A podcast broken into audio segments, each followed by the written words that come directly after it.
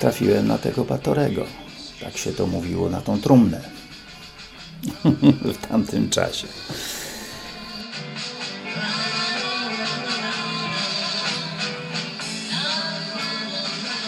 Trafiłem na trumnę. Reportaż Mariusza Borsiaka.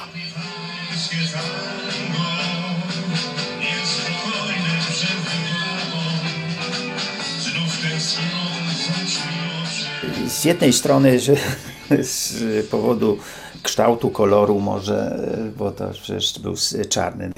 To pewnie była zbitka, która się utarła jeszcze zanim ja tam zacząłem pracować, bo tak też mnie troszkę e, zdziwiło, dlaczego. A to żeś na trumnę zamustrował.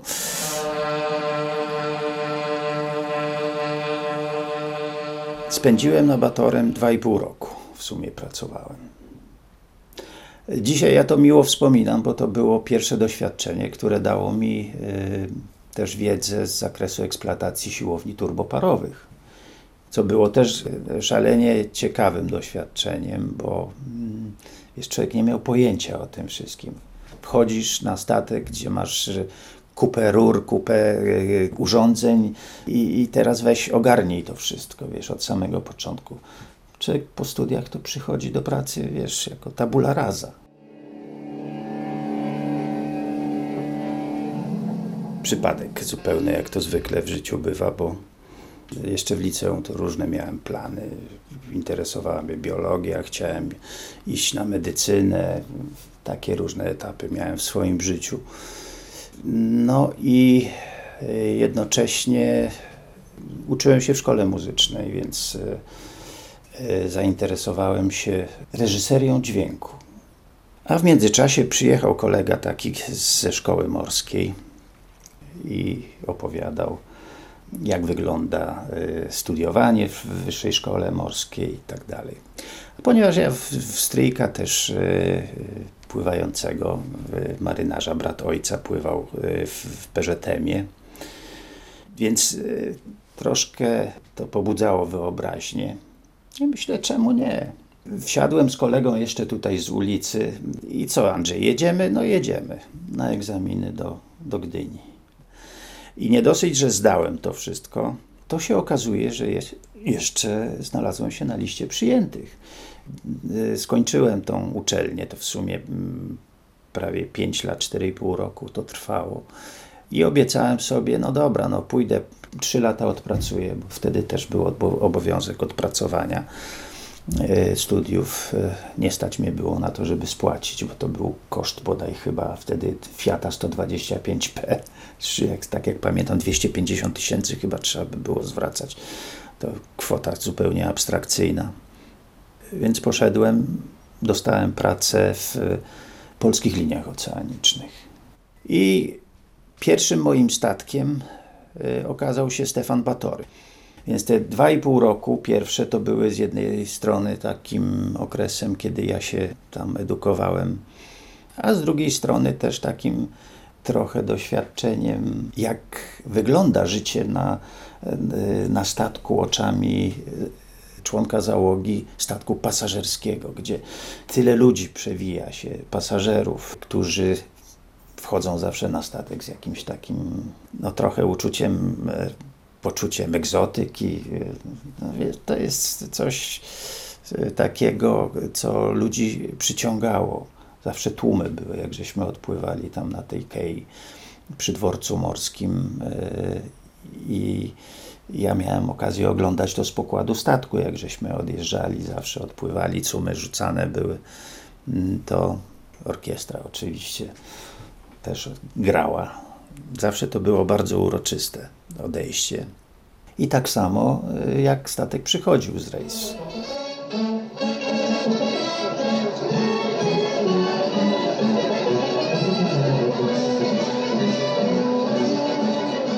Po to, żeby wyjechać do krajów zachodnich, to trzeba było się o paszport starać, a to nie było łatwe. To wiemy, jak to wyglądało. E, trzeba było e, mocno uzasadniać potrzebę wyjazdu. A tutaj myśmy dysponowali książeczkami żeglarskimi, które y, uprawniają. Już paszportów nie, nie trzeba było, po prostu y, wyjeżdżaliśmy. Była możliwość y, oczywiście poza pracą schodzenia, zwiedzania. Więc to było takie okno, które dawało możliwość y, oglądania świata. I, I to było też szalenie pociągające, bo to jednak dało mi już wtedy taką trochę inną perspektywę widzenia. Okazuje się, że wszędzie ludzie mają te same problemy. To tylko inaczej wygląda. No, klimat jest trochę inny, ale kiedy się jest zamkniętym, bez możliwości wyjeżdżania za granicę, to wszystko się w wyobraźni człowieka wydaje y, takie y, lepsze. Trawa jest zawsze bardziej zielona u sąsiadów, prawda? Taka jest właściwość chyba psychiki ludzkiej. I dopiero jak się tam człowiek znajdzie, to jest okazja zweryfikować to takie y, optymistyczne przerysowanie, widzenie, a czasami zbyt pesymistyczne, prawda? Pamiętam taką przygodę, z, która mogła się tak nieprzyjemnie nawet skończyć. Wyszliśmy w Maroku, to było, w Safi. Tam takim malowniczym obrazkiem była postać nosi wody. W tych temperaturach ta woda to był taki fetysz. I po ulicach poruszali się y, ludzie ubrani w, w taki charakterystyczny bardzo sposób. Nosili takie szerokie kapelusze z dużym rondem, w czerwone szaty ubrani, obwieszeni bukłakami z wodą i mosiężnymi kubkami. Kto był spragniony, podchodził, on nalewał świeżej wody z bukłaka, można się było napić, zapłacić mu. Takie dosyć ozdobne te ubrania były, takie z tymi frędzlami wiszącymi wokół kapelusza. Często boso chodzący aż się chciało zrobić zdjęcie. No i szliśmy kiedyś z kolegą nadbrzeżną taką drogą. Przed nami szedł ten y, nosi woda. Dreptał, myśmy wyminęli go. I kolega przygotował sobie aparat, żeby zrobić zdjęcie. Jak żeśmy już byli w odległości kilku metrów od niego, to on się odwrócił i pstryknął mu zdjęcie. No i zadowolony idziemy sobie dalej, y, gadamy, a tutaj jakieś sapanie, jakieś pobrzękiwanie za nami i, i coś, e, ktoś wykrzykuje, bakrzyż, bakrzyż. Wiesz, odwracamy się, a to ten nosi woda, goni nas i, i wiesz, i, i z kamieniami w ręce. I zaczął rzucać. Myśmy się trochę wystraszyli, przyspieszyliśmy, a, a on kamieniami rzucał za nami. Zauważył, że on zrobił zdjęcie. I teraz tak, jeżeli zrobisz muzułmaninowi zdjęcie, tak jakbyś kradł jego wizerunek, więc to jest jakby y, naruszenie jego prywatności, można powiedzieć uczuć religijnych, coś związanego z jego wiarą, ale to można kupić, więc jeżeli zapłacisz, to masz prawo zrobić sobie takie zdjęcie. No, on zrobił zdjęcie, nie zapłacił. Także ten kamień rzeczywiście przeleciał tak blisko mojego ucha, no żeśmy musieli przyspieszyć kroku i uciec, bośmy groszem nie śmierdzieli jako studenci, no to nawet nie było z czego tego bakrzyżu mu dać.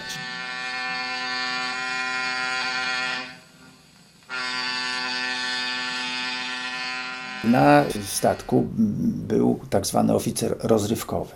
On był odpowiedzialny za organizowanie tych wszystkich atrakcji, zarówno w czasie rejsu, jak i w, w czasie postojów w portach dlatego że y, Stefan Batory był eksploatowany jako liniowiec od marca do tak, września, października.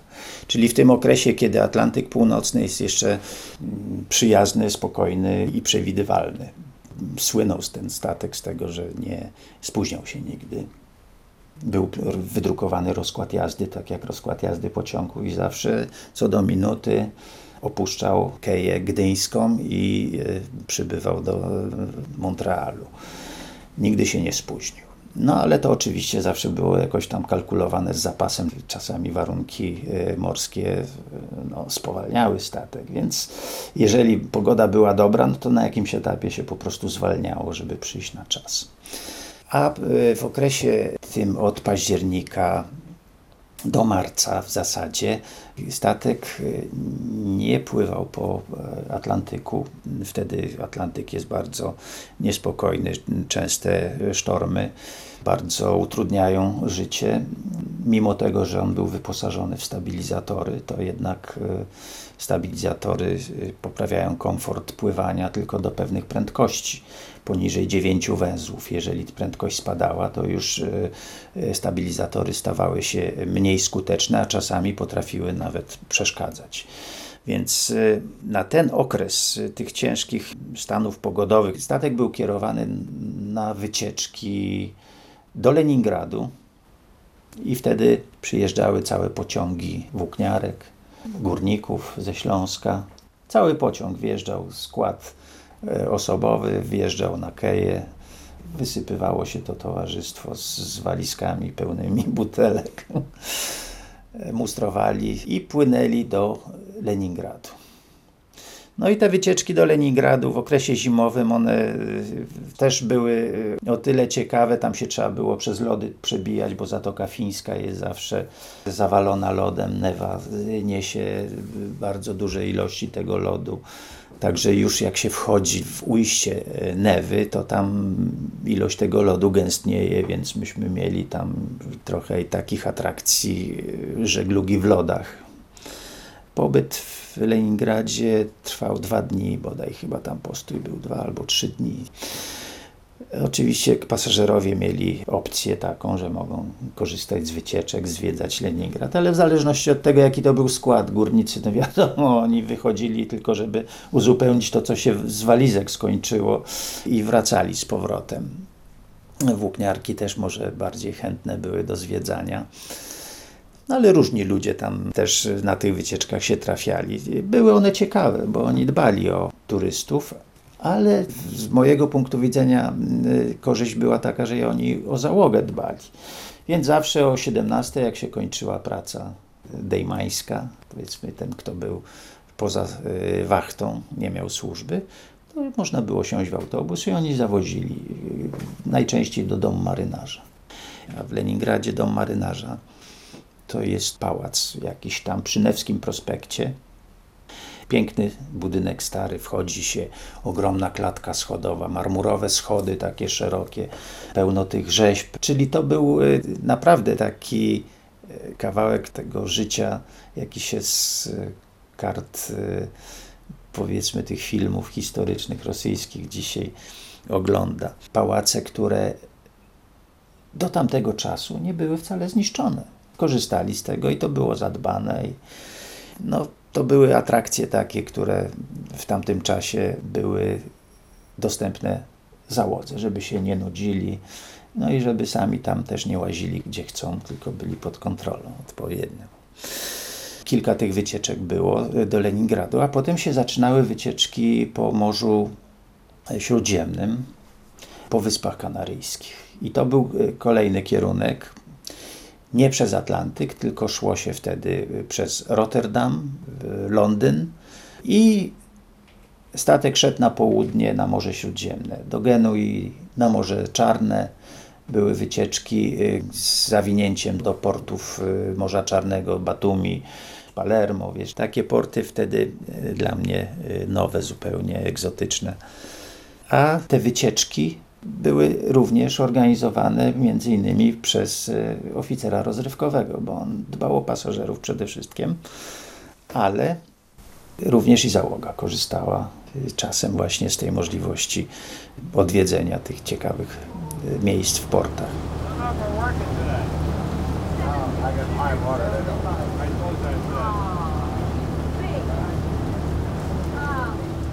Były chwile takie e, związane z, e, ze sztormową pogodą, bo to jest największy czynnik stresujący pasażerów.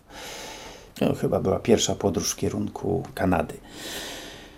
No i się trafił sztorm, ale tak dalece jak można, to wysuwało się wtedy te stabilizatory. A stabilizatory to były takie skrzydła wysuwane z burt, które e, były sterowane żyroskopem i w zależności od przechyłu e, następowało takie wychylenie tego skrzydła, że powodowało kontrującą siłę hydrodynamiczną, prostującą statek. I to było, wszystko dobrze działało y, do prędkości od 9 węzłów powyżej. Myśmy najczęściej chodzili z prędkością gdzieś tam 15-16 węzłów. No ale jak ciężkie warunki y, przychodziły, to na tyle spowolniały statek, że w pewnym momencie y, stabilizatory raz, że hamowały, a po drugie przestawały być efektywne i powodowały nawet zagrożenie, że, że może nastąpić taki jakiś nieprzyjemny, głęboki przechył. No i w tym czasie postanowiono na mostku, żeby spróbować wyłączyć stabilizatory. No a w tamtym czasie odbywał się bal kapitański w tej głównej sali dancingowej. Niestety młody oficer na mostku, który w tym czasie wachtę miał, nie wyzerował wychylenia płatów, tylko odstawił ten żyroskop, który steruje, w pozycji maksymalnego wychylenia płatów, stabilizatorów. Oczywiście w tym czasie przyszła fala, która jeszcze pogłębiła ten, one nie zareagowały, bo został żyroskop wyłączony i nastąpiła, nastąpiła e, tak głęboki przechył statku, że wszystko pozjeżdżało ze stołów. Ci ludzie z tego parkietu pozjeżdżali, poprzewracali się, donice z tymi kwiatami, to wszystko zjechało. To była klęska, totalna klęska i to w czasie tego balu kapitańskiego. W sumie przez te dwa i pół roku e, miałem okazję tam również i, i spotkać ciekawych ludzi było takie Studio 2. To myśmy mieli ekipę Studia 2 z tym redaktorem Mikołajczykiem, Bożena Walter prowadziła wówczas też te programy tam i oni całym tym zespołem przyjechali i, i część tego Studia 2 właśnie była kręcona na Stefanie Batory. Była również w tym czasie Agnieszka Osiecka, y, Olga Lipińska. Oni bodaj chyba byli też w drodze na jakieś występy z kabaretami więc trochę tych twarzy, tych aktorów znanych, Kobuszewski. No i człowiek się miał okazję otrzeć, e, spotkać z nimi. Było zresztą dla załogi organizowane spotkanie z Agnieszką Osiecką i z Olgą Lipińską. One opowiadały, jak wygląda e, praca w telewizji, jak one realizują. Leci kabarecik. Oprócz tego jeszcze e, był Jerzy Kawalerowicz ze swoim zespołem filmowym. Kręcili spotkanie na Atlantyku. Jest taki film, który był właściwie w całości kręcony tam na pokładzie Batorego. Ja miałem okazję oglądać wtedy, jak wygląda od zaplecza realizowanie zdjęć i na pokładzie, i we wnętrzach, bo w nocy się często e, odbywało wykonywanie zdjęć w kabinach, wtedy kiedy spokój jest na statku, się pasażerowie nie kręcą, więc no, ja z wachty wracałem więc miałem okazję gdzieś tam zajrzeć do kabiny, gdzie to było kręcone. To było ciekawe i nawet potem oni zrobili jakieś takie spotkanie, e, to znaczy scenę zbiorową, gdzie miał być pokazany entuzjazm y, ludzi, y, którzy spotkali samotnego żeglarza. No i ja tam nawet gdzieś jestem, ujęcie jakieś takie w tym. Miałem gdzieś to tutaj nawet zarchiwizowane, ale nie mogę teraz dotrzeć do tego filmu. Nawet y, oni przychodzili, odwiedzali też siłownie, też byli ciekawi z drugiej strony, prawda? E, więc ja miałem okazję też tam oprowadzać, wytłumaczyć to i owo. Dwa hole z lewej. Tak, dwa kole z lewej single up. Bywały też y, takie smutne przypadki, bo y, braliśmy w tym okresie, kiedy jeszcze przez Atlantyk żeśmy nie pływali, w czasie tych wycieczek na Wyspy Kanaryjskie mm, emerytów z e, domów opieki w Londynie, w Rotterdamie. To były największe takie e, wtedy grupy ludzi, którzy mustrowali. To była dla nich jakaś atrakcja. Płynęli na Wyspy Kanaryjskie, tam ciepło, zawsze przyjemnie. No ale czasami zdarzały się też pogody sztormowe. I ci biedni staruszkowie zdarzało się, że potrafili ulec kontuzjom. Albo się połamali. No, starsza osoba, jak się przewróci gdzieś tam na schodach w czasie sztormu, jak kiwa, no to się kończyło to najczęściej w najlepszym przypadku stłuczeniami, ale bywało, że złamaniami. więc lądowali w szpitalu, ale bywały przypadki śmiertelne, że ci ludzie po prostu umierali. No to było kładzione na karp e, już z podeszłego wieku. No i coś z tymi ciałami potem trzeba robić. Zawsze na statku musiały być y, trumny i to większa ilość tych trumien. Najczęściej jakieś 10 trumien wieziono i to były trumny cynowe. Bo y, ciało, żeby przywieźć gdziekolwiek, y, mu- musi być ze względów sanitarnych zalutowane w trumnie, więc lekarz stwierdzał zgon, człowiek był zamykany w trumnie i zalutowywany w trumnie cynowej. I ja parę takich trumien y, też lutowałem. Byłem asystentem maszynowym, który w pewnym momencie tym się zajmował. No to nie była przyjemna robota, żeśmy zawsze dostawali butelkę pół litra do tej roboty i trzeba było tą trumnę cynową zalutować. Zawsze jak już te ostatnie luty się robiło, śmierdziało. I potem te trumny e, były z- na lądzie zwożone do pochówku. Niestety nie zrzucano, nie robiono pogrzebu morskiego.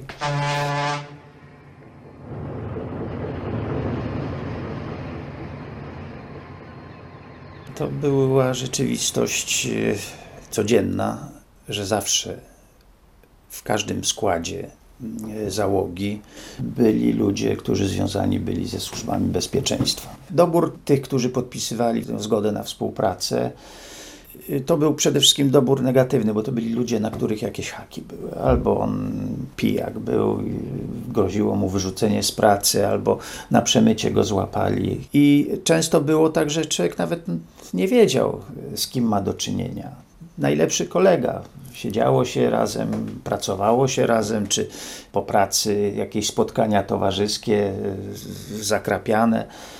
Często żeśmy sobie tam robili e, takie nasiadówki przy piwie z gitarą, ze śpiewem, wiesz. No jakoś się tam ten czas spędzało, zabijało się czas po pracy. I y, często to byli ludzie właśnie bardzo tacy najbardziej rozrywkowi, bardzo tacy y, rozmowni, przyjacielscy. I się potem okazuje, że, że to była wtyczka. SB albo, y, no też oni donosili celnikom.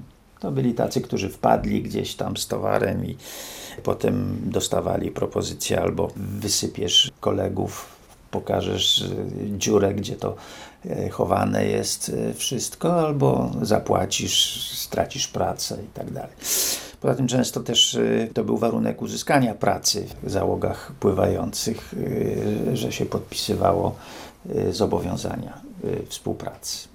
Z tym e, mieliśmy do czynienia właściwie na co dzień i była zawsze ta świadomość, że któryś z tych kolegów e, może donosić. No ale no, jak się nie prowadziło działalności politycznej, to mm, trudno było tak bez przerwy się hamować. No, potem jak już się domyślaliśmy kto, no to się starało tam eliminować z tych spotkań towarzyskich takich ludzi podejrzanych.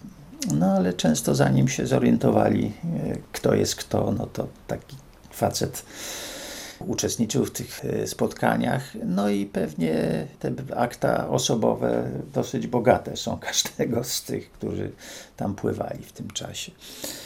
Ja nie zetknąłem się w okresie pracy w, w PLO z taką propozycją. No tutaj jakby haka nie było, y, ja po prostu musiałem pracować po skończeniu studiów. No co by ze mną zrobili? Powiedzieli, skończyłeś studia i, i, nie możesz pracować, dopóki nie podpiszesz. To było raczej y, obliczone na tych ludzi z zewnątrz, y, którzy próbowali dostać pracę na statkach.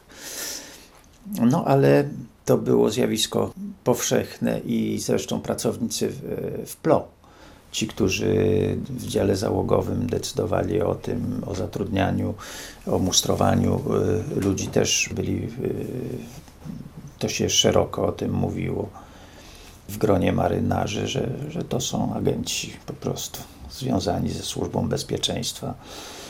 Oni decydują o tym, kto i gdzie pojedzie, na jakim statku. Proszę Państwa, dzisiejszy bal odbywa się z okazji wyjścia Stefana Batorego na Ocean Atlantycki, rozpoczęcia żeglugi atlantyckiej przez nasz statek. Proszę Państwa, niezmiernie cieszymy się, że dopisuje Państwu atlantycka pogoda Życzymy Państwu takiej samej. Kiedy zacząłem pływać jako asystent maszynowy, bo po studiach się szło, ja nie zacząłem, nie zaczynałem od motorzysty, tylko od tego młodszego oficera. Więc y, po pewnym czasie dostałem tam propozycję. Sekretarzem partyjnym był y, jeden z oficerów mechaników, który y, zaproponował mi Zbyszek, a czy ty byś się do partii nie zapisał? Ja mm, w tamtym czasie jak najdalszy od tego byłem, w żadnych tych młodzieżowych nie zapisywałem się, stroniłem od tego i tym bardziej do partii nie. On mówi, słuchaj, no bo y, wiesz, to zaraz od razu przeawansujesz. A ja już pływałem tam, zdobywałem doświadczenie jako asystent maszynowy, a oni potrzebowali zaraz na czwartego mechanika. To by jest najniższe stanowisko oficerskie w maszynie. Ale ja y, odmówiłem, powiedziałem, że niestety ja jeszcze nie dojrzałem do tego. No ja z domu wyniosłem takie wychowanie raczej anty. Odmówiłem, że dziękuję, ale jeszcze jestem za młody, uważam. Nie dojrzałem do tego, żeby być godnym, y, piastować funkcję członka partii. Y, No i się okazało, że ja tam nie mam y, właściwie czego szukać więcej, dalej nie, nie przeawansuję, a dwa i pół roku. I ten starszy mechanik powiedział, że no czas, żebym ja zaczął wreszcie zdobywać doświadczenie na statkach motorowych. Więc y, już y, jak zszedłem na urlop, dostałem skierowanie na inny statek. Już nie poszedłem na tego Stefana Batorego, więc z ulgą poszedłem na statek. To wtedy była Polanica. To był mój chyba pierwszy statek po Stefanie Batorym.